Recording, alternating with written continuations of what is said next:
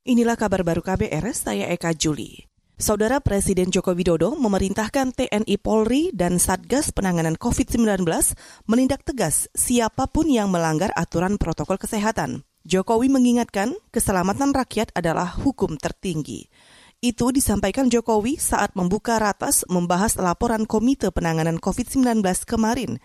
Pernyataan itu disinyalir terkait pelanggaran protokol kesehatan yang dilakukan pimpinan Front Pembela Islam FPI Rizik Sihab dan masa pengikutnya. Eh, jangan hanya sekedar himbauan-himbauan saja, tapi harus diikuti dengan pengawasan dan penegakan aturan secara konkret di lapangan. Untuk membuat pengendalian COVID menjadi berjalan efektif, dibutuhkan trust, dibutuhkan kepercayaan dari masyarakat terhadap apa yang dikerjakan oleh pemerintah. Jokowi juga memerintahkan Menteri Dalam Negeri Tito Karnavian menegur kepala daerah yang tidak memberikan keteladanan dan malah menjadi pelanggar protokol kesehatan. Kepala negara mengingatkan agar peraturan daerah tentang disiplin protokol cegah COVID dijalankan dengan tegas dan konsisten.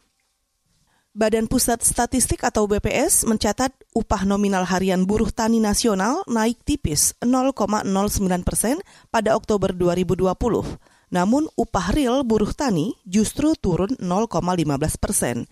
Ini disampaikan Deputi Bidang Statistik Distribusi dan Jasa BPS Setianto dalam konferensi pers yang disiarkan di kanal YouTube BPS kemarin. Data ini menunjukkan ada penurunan daya beli buruh tani meski secara nominal upah naik.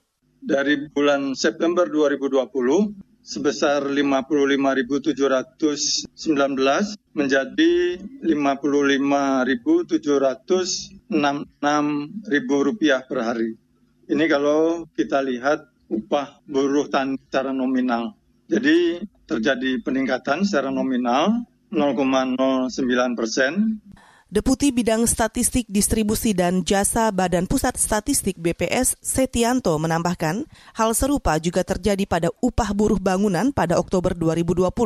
Upah nominal meningkat 0,02 persen, tetapi upah realnya turun 0,05 persen dibanding bulan sebelumnya. Ini menandakan daya beli buruh bangunan ikut tergerus. Kita ke soal COVID-19 kandidat vaksin COVID yang dikembangkan Moderna diklaim memiliki efektivitas hampir 95 persen. Dikutip dari Antara News, Moderna adalah perusahaan farmasi kedua asal Amerika Serikat yang melaporkan hasil uji klinis vaksin dengan tingkat keberhasilan tinggi. Sebelumnya, kandidat vaksin Pfizer lebih dulu mengklaim presentase efektivitas mencapai 90 persen.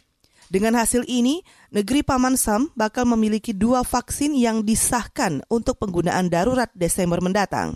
Total jumlahnya sebanyak 60 juta dosis untuk tahun ini. Sedangkan tahun depan, Amerika Serikat kemungkinan bisa memiliki persediaan 1 miliar dosis dari dua produsen vaksin itu saja. Jumlah ini sudah melebihi kebutuhan vaksinasi 330 juta penduduknya. Saudara, demikian kabar baru. Saya Eka Juli.